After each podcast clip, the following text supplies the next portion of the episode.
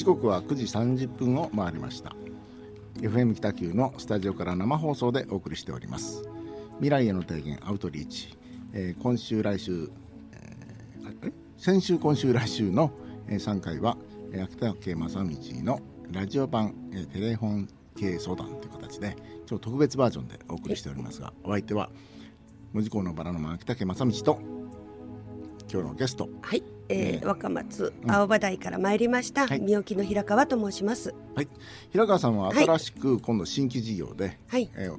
ジャムを売りたいとい。う話で、はい、えー、前半はずっとそのですね、いろいろなどんなジャムなのかっていうのを聞いてきたわけですけれども、はい、えー、後半はじゃあそのジャムのコンセプトをどのように決めていこうかとい。うお話で、はい、えー、平川さんの今のパーソナリティ、はい、アイデンティティですね個性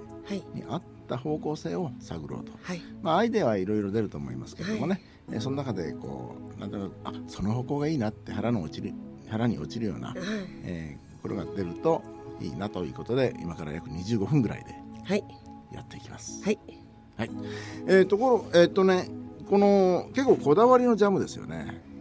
そうですね。でもこだわってるといえども、はい、いや普通じゃんって言われる普通ですよね。そうですねあのだらっとしてないだけでだらっとしてないだけで普通ですね、うん、何も言わなければ普通にジャムですね、ね、はい、でジャムを扱う上で、はい、やっぱりこの手間暇かかるこれじゃないと売りたくないってあるんですか、はい、あります。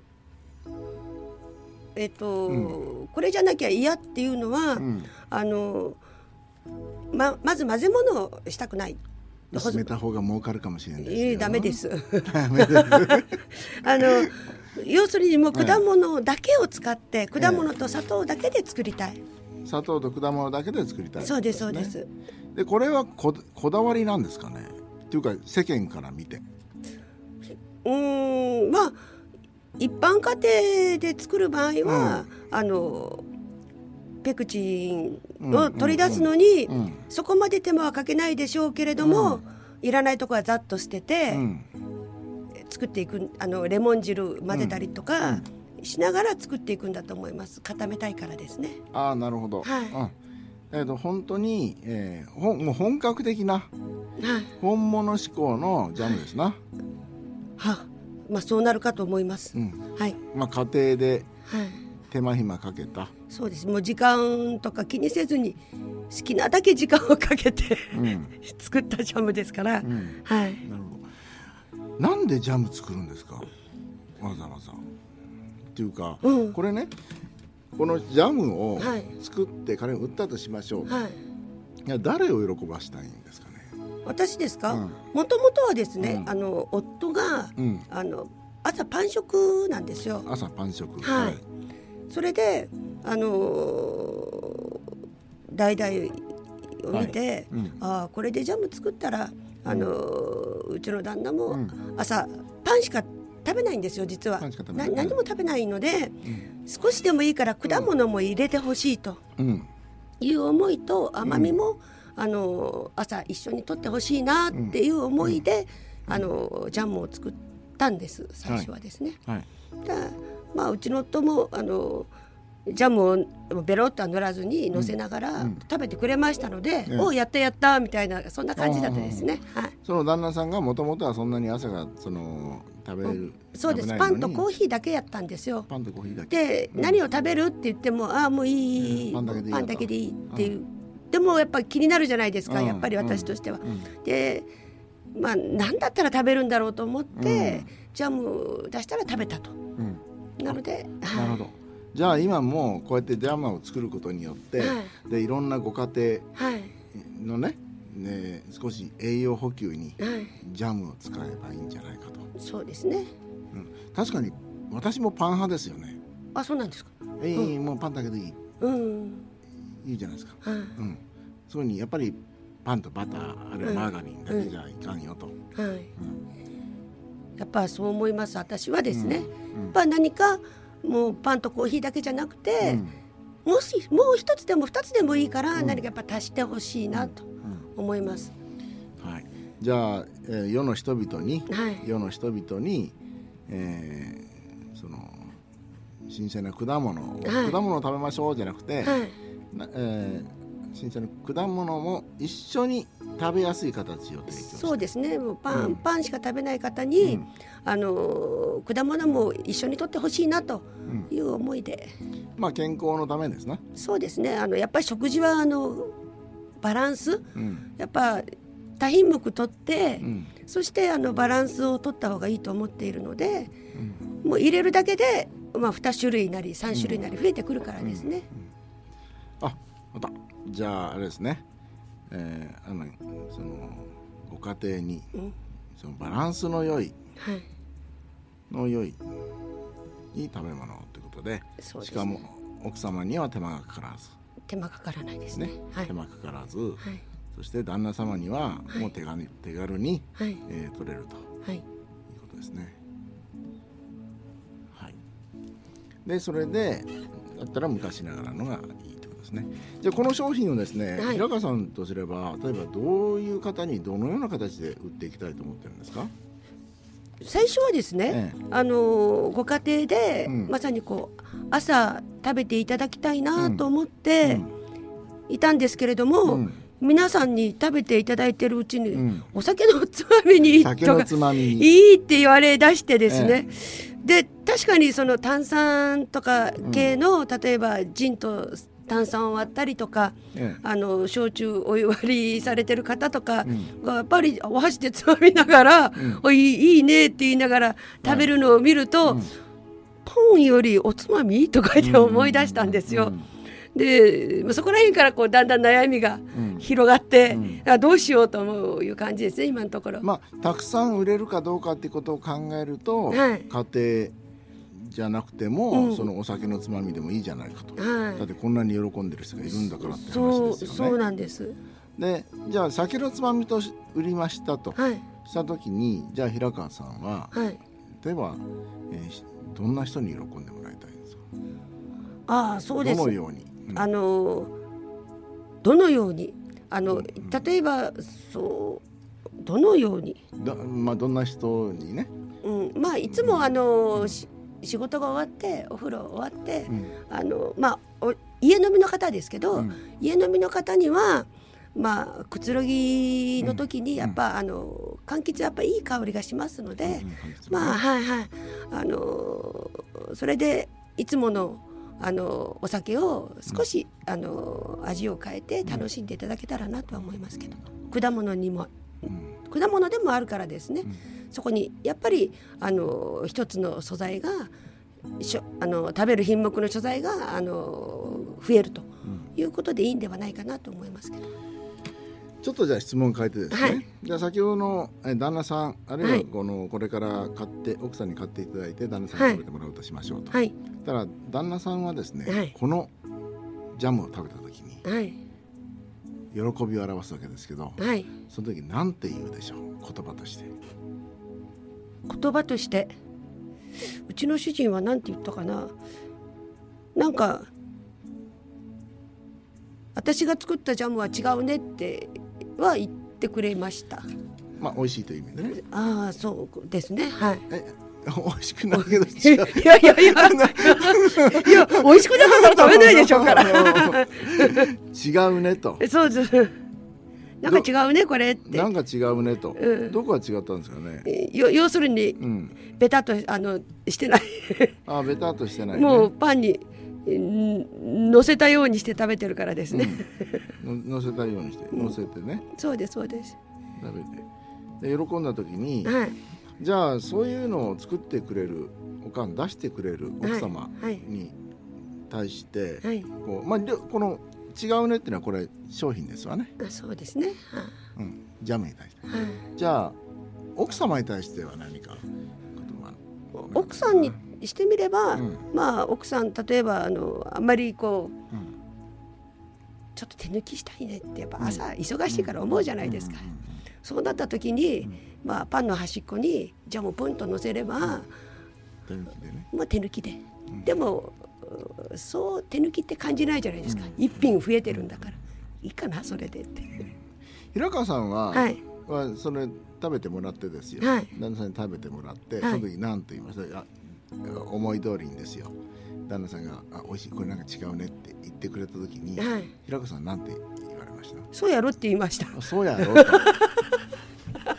そうやろと言ったわけね。そうやろって言いました。そうやろという、うん、要するに最初から「なんか違うねこれベタっとしてないね」ってきっと言うだろうなと予測してたと、そうそう、うん、そうやろと、はい、そりゃそうやろっていう感じで言いました、うん。うん。じゃあですね、はい、この酒のつまみを、として売った時に、はい、えどんな人に誰に喜んでもらいたいかっていうねこうなんかあの人がいいっていうような人をちょっと思い浮かべていただいて。そうですね。あの人っていうかですね。まああの今パッと思いついたのは、うん、あのお酒をあの提供していらっしゃるお店の方なんかに、うん。こういつもと違う、あのちょっと変わったのを出す時に、うん、ジャム入れるだけで、お酒変わりますから、いいんじゃないかなと思ったりしますけど。なるほどね。でそのじゃあその、職人さんっていうか板前さんに板さんであったり、はい、バーテンダーさんに、どのような言葉がいただきたいですか？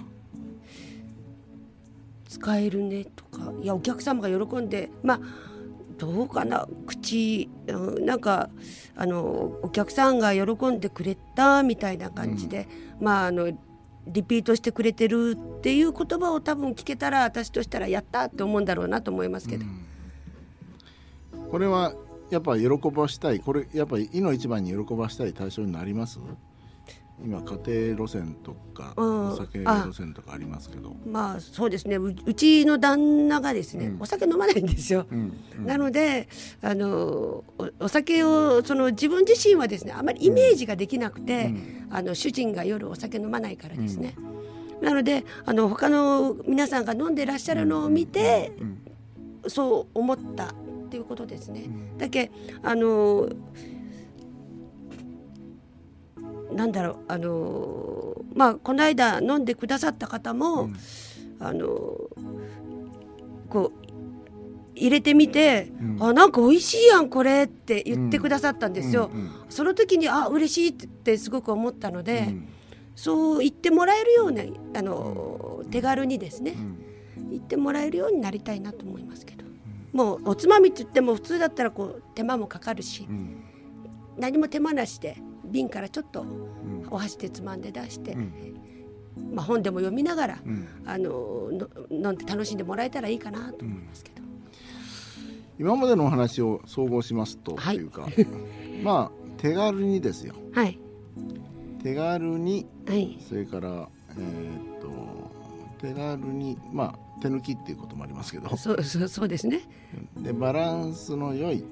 そうですね、まあ、一品増えるだけでもやっぱ違うと私は思っているので、はい、食生活。はい。食生活が変わると。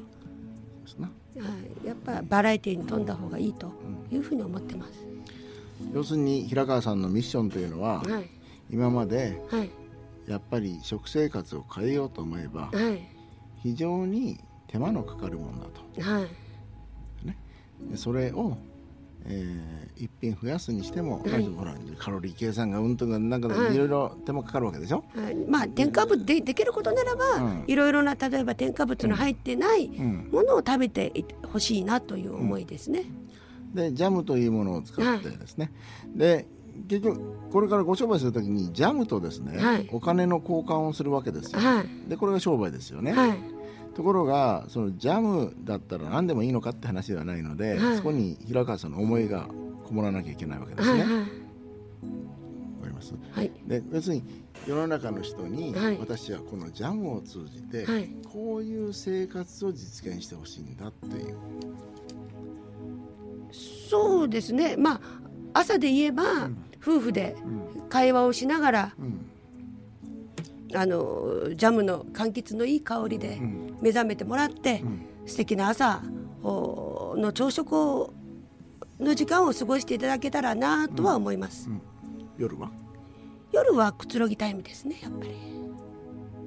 えー、このジャムがくつろぎを出してくれるの？いやは出してくれないですね。くつろぎを出す夜？夜はまあお酒を楽しんでほしいとかあとはまあお友達とか、うん、あのお家に呼んだ時にあのみんなで飲もう飲もう食べよう食べようってなった時に、うん、あジャムこれいいよって例えば出してもらって、うん、あのクラッカーとかチーズとかあれば、もうその上に乗せれば彩りもすごく良くなりますし新しい感覚で食べていただけるのかなと思いますけど。えっと、うん、多分ですね、はい、この柑橘の香りが夫婦円満を演出してくれる、朝はね。あそうですね。はい。朝は、はい、でその中その時に、えー、この健康な一品、はい、バランスのいい食事を作ってくれるわけだね、はいはい、夜は？夜は？夜は。そんなこと関係なしに。そんなこと関係なしにそうですね。あのまああの食事の後のそれだったら反対に口直しで食べていただけたらいいかもしれないです、ね、でどっちが楽しい？楽しいのはあの楽しいのはあの夜だと思います。楽しめるから。が自分のジャムを売る上での使命だと感じれますか？って感じです。ああなるほどですね。ドアドア。売ればいいのよ。だってみんな楽しそうにしてるし、あそれでいいのよって思うのか？それとも朝朝のようなね、うん、うん、いや体にいいものをと思うのか？っていうか平川さん自身として、うん、どっちがいいんだろうかなっていうあの私がああるわけですよ。これ多分ですね、はい、まず最初の商品として、はい、え何でもいいからとにかく売ろうっていうことで売り場をこう拡大するために、はい、酒屋さんに行きましたパン屋さんに行きましたって、い、ろいろ広がりあると思うんですよ。でそこで売れるとこあるかもしれませんが、だけどまあ今考えたいのは、うん。などういう世界をこのジャムによって作るのが一番平川さんらしいのかなっていうところああなるほどですね、うん、それで言うと、うん、あのやっぱり朝ですね朝。朝かもしれない、うん、なぜかというと、やっぱ朝は一日の始まりでもあるし、笑顔で「いってらっしゃい」って、あの送り出したいし、その時に、ああ今日もなんかパンだけやったっていう奥さんの罪悪感も、あ一品増えて、うん。うん、ちょっと奥さん気が楽みたいな、で、ハッピーハッピーが大好きですね。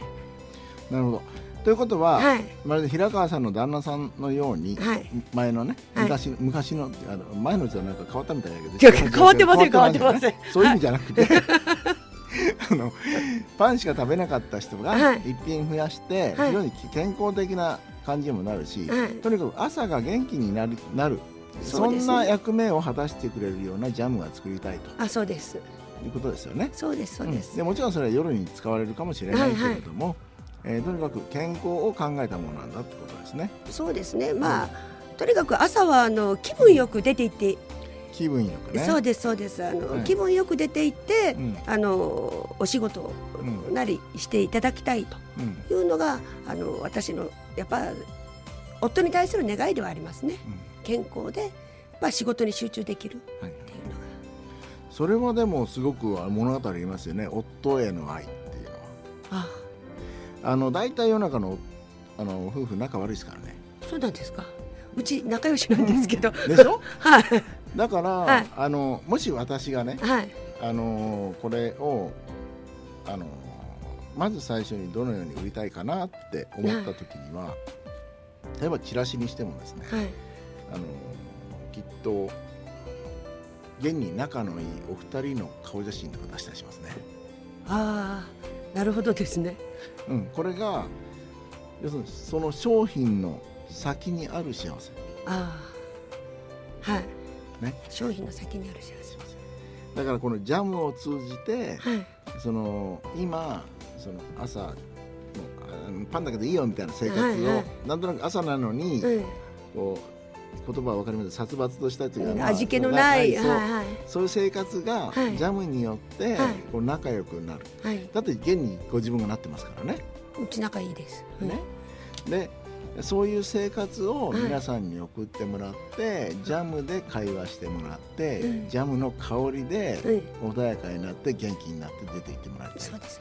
ですよね。もう朝はもう絶対それが一番大事なことだと実は、うん、実は思ってるんです。そしてそこに今度、はい、この今はこの何でしたっけ、今代々でしたっけ？代々です。これが仮品が変わって楽しめるようなね。そうですね、まあ、ものになったりして、うんあのもちろんそうです。まあ、うん、あの橙っていうのはもともと冬場しか取れないので、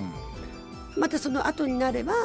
甘夏が出たりとか、夏みかんが出たりとかいうことでこう柑橘をずっと提供していけたらなと、まずはそんなふうには思ってますけど、はい、はい。えー、っとですね、じゃあ私はですね、はい、あのご自身の経験から、はい、えー、仲のいい夫婦を想像するジャム、はい、として非常に考えたい気持ちがあるんですが、はい、でそうなるとですね、はい、この中朝を元気にするジャムなんですね、はい、それがご家庭を楽しくするジャムなんですっていうことを基本的にコンセプトに仮にしたとしましょう、そしたら、えー、今平川先生にとって、はい。えー、こんな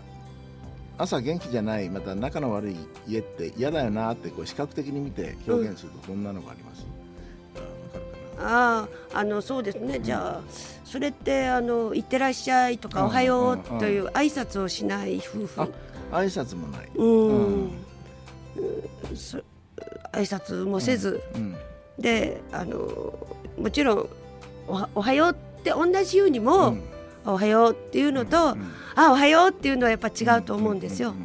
できるだけ笑顔で、えー、接したいと思っているですね。ねはい、でそれは実際に、はい、あのこのジャムだったらある面解決できるかもしれない。そうですね、これきっかけになってね。うん、で現に旦那さん自身がそうだし。そうですね。はい。だよね。でということはこの朝をの家庭を楽しくするジャムっていうのが、うん、それからそれをやるのが私のミッションですっていうことが仮に決まればね、はい、決まればそしたらあなんとなく農家系のイメージになりますわね。あ新鮮なとか、うんうんうん、でも決してそうじゃなくて、はではなくて、はい、えー、っとだから安く売らなきゃいけないいけないとか、そういうことではなくてですね。でコンセプトはそういうふうにじゃあ朝とにかく楽しめる、うん、元気にするものにしましょう、はい、ということになれば大体コピーは大体決まってきますね。長文コピーになりますけどセールスコピーはですねえー、でこの番組でもよく言うんですが、はい、まず問題点を指摘して、はい、そしてそんなことありませんかちょっとああのもうちょっと刺激してあ立ってあげて、そして実はそれがこのこの商品これが解決できますよ、うん、その証拠はこうですよっていうふうに言えばいいんですけど、うん、今日はその辺をちょっとまとめて、はい、えー、最後にしようかなと思うんですが、はい、例えば朝起きても挨拶がない、最悪ですねそれ。もう嫌です私。何食べると聞いてもパンでいい、うん、みたいな、えー、そんな朝を迎えてませんか？これあんまり言い過ぎかね。あ なるほど。ちょっと長いくないですかね。いや長いの問題ないんだけど、はい、だあの最初にねえっと、キャッチコピーっていうか、うん、ヘッドラインで「え元気のいい朝」とか仮ポンと打つとするでしょ、はいはい、でも元気のいい朝という、お手紙の最初にこう題ポンとつけとするでしょ、はい、だから、えー、こんなことございませんか？あ、うん、だからあの起きても挨拶もしない子供、うん、ね。でパンでいいやって軽く済ます旦那、うん、朝はもっと充実させたいと思いませんか？みたいな話です。ね。うん。えー、朝はやはり、えー、元気の源だと言われております。みたいな感じでね、でそんな方にぜひ試してもらいたいものがございます、はい、えこれがこちらの手作りのジャムです、はい、でこのジャムは実は、えー、ご家庭の主婦が作る、はい、農家の、えー、さんが作る本当に素材を大切にした作り方で作ったジャムです、はい、だから、えー、見た目では、はい、えー、だらっとせずに、はい、えー、カチッしっかり、はい。えー、硬いジャムになってるのですが、はい、これを食べた時大体、えー、食べた方はこのように言われます、あら何か違うね。それうちのあのあの夫が言った言葉ですね。実は でそこで、実はこれうちの旦那の言葉なんですとか言って、でなぜ硬くなるかというと、えこれペクチンを抜くために長時間かけて、やっておりまして、で、えー、おかげで今旦那ともこの写真の通り、えー、非常に仲良しの、えー、夫婦をやっております。でこれは世の中の人で結構仲の悪い夫婦多いですからね、は。家庭、はい、だから何とかしたいって思ってる人多いですから、うん、だからジャムでも使ってみようかなって思ってね。あそれでハッピーになってくれたら私相当嬉しいです。でしょ、うん、うん、でこの商品を、はい。えー、皆さんにお裾分けしておりましたが、はい、えうあ売らないかというふうに評判になり、で売り出すことにいたしました、はい、ただ大変時間のかかる商品であり、はい、手間のかかるものですから、えー、そんなに、えー、市販のものと同じような値段というわけにはいきません、うんうん、ですねそうですね。で、ズバリ、えー、お値段こちら。はい、で、もしあのジャムはジャムでいいと言われる方がいらっしゃいましたら、うん、そちらの方お勧めしますが、うん、一度この本当のこうしっかり作ったジャムを欲しい方はぜひお求めください、みたいな感じでどうでしょう？ね、ありがとうございます。なんかすっきりしました。なんかすっきりしました？すっきりしました。あの多分自分がですね、はい、いろいろ販売方法あると思うし、いろんな商品作りあると思うんですけど、はい、せっかく一から始める商売ですから、はい、あの自分が一番好きして私こんなのが実現したいんだっていうところを中心に考えてみられたらいかがかなと思うんですよ。はあ、あの嬉しい。あの、うん、嬉しいっていう言い方は何なんですけど、うん、あのやっぱり私としたら、うん、夫のことを考えていたいし、夫には私のことを考えていただきたいと、やっぱいう思いはありますので、思いやり、みたいな感じで夫婦が入れるのが、あの一番幸せの,、あの基本じゃないかなと私は思ってますので、そうなると嬉しいです。夫婦円満。家族円満って何ていうの家庭円満？みたいなのがね、はい、実はこのジャムにはこもっていますっていう感じでそのために私が手間をかけました。皆さんは、えー、これをあとは食べるだけ手間をかけずに食べてみてくださいっていうのが、うんうん、それが私の本当のこうジャムで伝えたいことっていうのがはっきりしてくるとですね。そしたらいろんな商品作りいろんな形があると思います。デザインがあると思いますけど、はいはい、それさえ忘れなければですね、うん、いいんじゃないかなというまあ、今日は本当にあの答えになったかどうか分かりませんが、えこれから商売を始める方商品を作ろうという方は本当に自分のこ心をしっかりと、えー、何ですか振り返ってみるっていうか、はい、深く掘ってみて、はい、根底にあるものをしっかりと表に出して分かって作っていく方がいいんじゃないかなということで、なんかすごく肩の力が抜けた気がします。あありがとうございます。ありがとうございます、ということで、えー、今日の、えー、未来の提言アウトリーチはこれで一応終わりにしたいと思います、えー、今日のお相手は、えー、文字工のバラの秋竹正道と、えー あの若松川話題の、えー、三沖の平川瞳でした。はい、えー、それでは皆さん、えー、なんか明日は天気悪いようなので気をつけてください。はい。では皆さんごきげんよう。さよなら。ありがとうございました。